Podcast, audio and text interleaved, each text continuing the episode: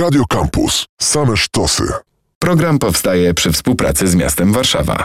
W stacji Warszawa zostajemy w Śródmieściu. Przenosimy się trochę bliżej ulicy Marszałkowskiej na dziedziniec pawilonu Zodiak i od razu y, wychodzi nam pewnego rodzaju podróż w czasie, bo przed nami Warszawa 2050 z dopiskiem Miastem Przyszłości. Wystawę pod takim tytułem można oglądać na dziedzińcu pawilonu i jest to, tak jak wskazuje sama nazwa, wizja miasta y, i tego, jak będzie wyglądało za 30 lat, stworzona przez y, pewną grupę młodych i kreatywnych ludzi, którą dzisiaj w audycji reprezentują Kinga Batte i Dominika Dołębska. Stacja Warszawa. Jest nas e, pięć osób i w, wszyscy jesteśmy studentami ostatniego roku na Wydziale Architektury Politechniki Warszawskiej i tworzymy koło naukowe Architektury Jutra. Pomysł się wziął e, tak naprawdę z początkowo z raportu, który stworzyliśmy e, i to był taki raport, który e, odpowiadał na pytania, jak według nas, studentów, może wyglądać e, Warszawa przyszłości. I na podstawie tego chcieliśmy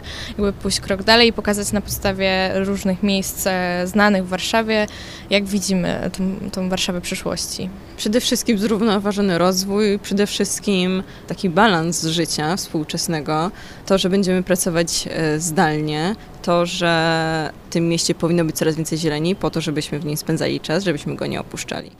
Jakie rozwiązania i prozielone, i takie właśnie wzięte z przyszłości w Waszych koncepcjach, pomysłach się pojawiają? E, no to na przykład jest to wykorzystywanie deszczówki i też jak najwięcej zieleni, którą proponujemy zamiast tej betonozy miejskiej, to pozwala nam to również na to, żeby ta woda się gromadziła tak, w ziemi i żebyśmy mogli ją ponownie potem wykorzystać. Stosujemy również w naszych projektach farmy wertykalne, czyli taka zieleń w pionie, e, która również korzystnie wpływa na to, żeby walczyć z globalnym ociepleniem klimatu i również e, stosujemy kolektory słoneczne w naszych projektach na, na dachach budynków. I myślę, że to są takie główne nasze pomysły na takie rozwiązania energooszczędne. I zakładacie, że za 30 lat każdy budynek będzie miał kolektor, każdy będzie zbierał deszczówkę, wyposażony będzie, nie wiem, choćby w fotowoltaikę czy inne rozwiązania? No, oczywiście chcielibyśmy bardzo, żeby tak było. Pewnie nie da się tego wykonać, ale jest to oczywiście nasza taka wizja, e, optymistyczna wizja na, na to, jakby byśmy chcieli, żeby Warszawa wyglądała. Studenci przygotowali wizualizację kilku warszawskich miejsc, na których przedstawiają i prezentują, jak te miejsca, ich zdaniem, powinny czy też będą wyglądały za 30 lat, w 2050 roku. Miejsc było 10. Chyba jednym z najbardziej ciekawych e, projektów był właśnie ten projekt Oceanarium nad e, bulwarami wiśnianymi. Jest to bardzo ciekawa bryła, prostopadłościenna, zwieszona nad bulwarami, e, a jej spód jest przeszklony i możemy tam oglądać po prostu ryby i inne stworzenia morskie. Zaproponowaliśmy to muzeum w takiej formie i w tym miejscu na Podzamczu, ponieważ chcieliśmy odpowiedzieć na zoo, które jest po drugiej stronie Wisły, na, na praskie zoo e, i w ten sposób scalić tę Warszawę, bo Warszawa przyszłości jest również miastem scalonym. A propos scalania, to widziałam, że też trochę sięgacie, zagarniacie Marienstadt, to jest pierwsza połowa mojego pytania, a druga, żebyście też wskazały miejsca po drugiej stronie Wisły, którymi się zajęliście. E, po drugiej stronie Wisły to przede wszystkim e, okolica Dworca Wileńskiego, czyli ulica Targowa. Częściowo zmniejszyliśmy ulicę. Planujemy, że za 30 lat będzie mniej samochodów, one jest staną wykluczone i będzie mniej. Więc ulica została zwężona, został zaprojektowany szerszy deptak miejski, co jest również troszeczkę powrotem do przeszłości, ponieważ ulica Targowa była w przeszłości po prostu ulicą Targową i chcielibyśmy do tego powrócić i mam nadzieję, że taka wizja e, tej ulicy będzie w przyszłości. To jeszcze wróćmy do Mariensztatu i Podzamcza. Jak te tereny zmienią się w 2050 roku? Obecnie e, Marienstadt i Podzamcze i to Podmoście tamtejsze jest parkingiem. Autobusów. Autobusów. Wydaje mi się, że tak ważne miejsce w Warszawie, e, czyli Stare Miasto, nie powinno być jednak parkingiem, e, a, miast, a miejscem, w którym toczy się życie, więc wycofaliśmy stamtąd autobusy na pewno znajdzie się inne miejsce na ich parkowanie, a w tym miejscu powinien się pojawić prawdziwy plac miejski, który połączy Stare Miasto z Marienstadtem, ponieważ mało kto wie, że ze Starego Miasta na Marienstadt da się przejść, a jest co tam oglądać. Oczywiście, od razu można minąć siedzibę Radia Campus. A co z dworcem wschodnim? Bo on też wygląda w waszych wizjach spektakularnie. Dworzec Wschodni jest już taką całkowitą naszą fantazją na temat tego, jak to miasto za 30 lat mogłoby wyglądać. E, Jest to jedno z wielu bardzo pustych miejsc w Warszawie. Tam pozwoliliśmy sobie puścić wodze naszej wyobraźni i zaprojektowaliśmy właśnie dużo e, budynków o zielonych fasadach, gdzie jest mnóstwo wody, ścieżek pieszych, e, gdzie to miasto wydaje się właśnie takie zwarte i dostępne. I w skali człowieka. To jest bardzo ważne, żeby projektować w skali człowieka. Centrum Warszawy, jerozolimskie. E, Tutaj dość odważnie podeszliśmy do tego tematu, bo proponujemy e, jednak schować e, ruch samochodowy pod ziemią i tą ulicę przekazać typowo właśnie dla pieszych, żeby było to takie przyjazne, bezpieczne miejsce.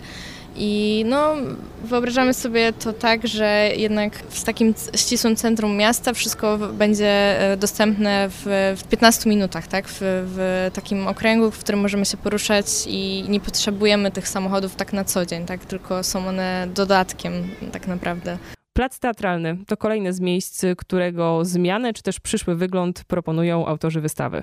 Dzisiaj również jest to e, plac e, betonowy, gdzie tak naprawdę jest tylko parking, tak? a jest to bardzo e, znane miejsce z pięknym historycznym budynkiem teatru, którego tak naprawdę nie możemy podziwiać, nie możemy się zatrzymać i popatrzeć na niego, bo jest e, pełno samochodów i tak naprawdę chcemy tylko przemknąć przez to miejsce i nie, za, nie mamy gdzie się zatrzymać, tak? czy, czy gdzieś usiąść, więc Chcielibyśmy również tam wprowadzić jak najwięcej zieleni i i jest to takie, żeby to było takie reprezentacyjne miejsce. A jak myślałyście o transporcie? Bo wyłania się gdzieś ta nitka, że raczej chodzimy na pieszo, bo mamy wszędzie blisko do 15 minut. Samochody będą, ale będzie mniej. Ale też na tych y, fantazyjnych wizualizacjach, które stworzyliście, pojawiają się różnego rodzaju obiekty latające. Czy je trzeba brać na serio z tych prac, czy to taki, powiedzmy, szalony dodatek do wizualizacji? E, Z jednej strony chcieliśmy, żeby coś takiego bardzo futurystycznego się pojawiło na tych wizualizacjach, żeby było widać, e, że jednak jest to wizja. Aczkolwiek ten obiekt latający, który możemy zaobserwować na kilku wiskach, biały, taki ala balon, wyjdzie w przyszłym roku i już od przyszłego roku będzie latał, więc nie do końca jest tak futurystycznie, jak e, każdy myśli. Wracamy na ziemię i przyglądamy się wizji kolejnego placu, tym razem Plac Konstytucji. To jest kolejny przykład warszawskiego parkingu miejskiego w miejscu placu. A pamiętajmy, że w, żeby miasto dobrze funkcjonowało, to place powinny być placami, nie parkingami, ponieważ no, ludzie tam nie przebywają, życie się tam nie toczy, a jednak chcemy, żeby to życie w mieście trwało. Czyli wyobrażam sobie tak, e, spacerujących ludzi, dużo zieleni, e, wszędzie blisko, samochody, ale mniej, coś tam latającego, co może zrewolucjonizować nasz e, transport. Jak jeszcze myśleliście właśnie czy to o ludziach, czy to o mieście, czy to o tym, jak będziemy żyli w tym 2050 roku? Też myślimy o tym, że wszystko jakby jest cały czas zmienne i musimy też być mm, przygotowani na to, że będzie się zmieniać i, takie budynki, które tam na wizualizacjach pokazujemy, to myśleliśmy też w taki sposób, że będą mogły łatwo adaptować się do nowych funkcji, tak? Czyli będzie, będą to takie moduły, które możemy wymienić, na przykład w łatwy sposób powiększyć mieszkanie, tak? Jeśli będą takie potrzeby.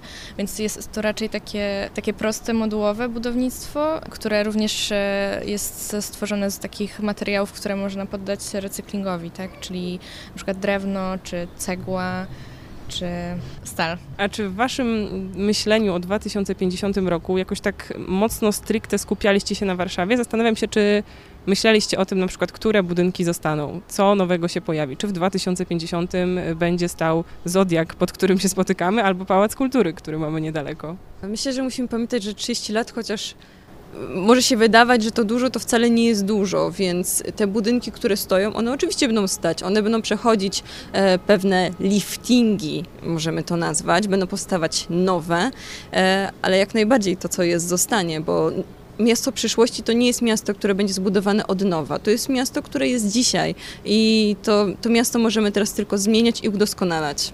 Warszawa 2050 miastem przyszłości. Ta wystawa na dziedzińcu pawilonu Zodiak do 18 września. Warto również wejść do środka, do wnętrz Zodiaku, żeby znaleźć się w pokoju do słuchania, bo to z kolei ekspozycja, która e, pojawiła się niedawno we wnętrzach pawilonu. Jej autorką jest e, Hania Rani, która razem ze studiem architektonicznym ZMIR próbuje skłonić nas e, do tego, żebyśmy sprawdzili, jak przestrzeń architektura oddziałuje na muzykę i pewnie też działa to w drugą stronę. A o Warszawie przyszłości i wystawie mówiły dzisiaj w audycji Kinga Batte i Dominika Dołębska. Program powstaje przy współpracy z miastem Warszawa. Radio Campus. Same sztosy.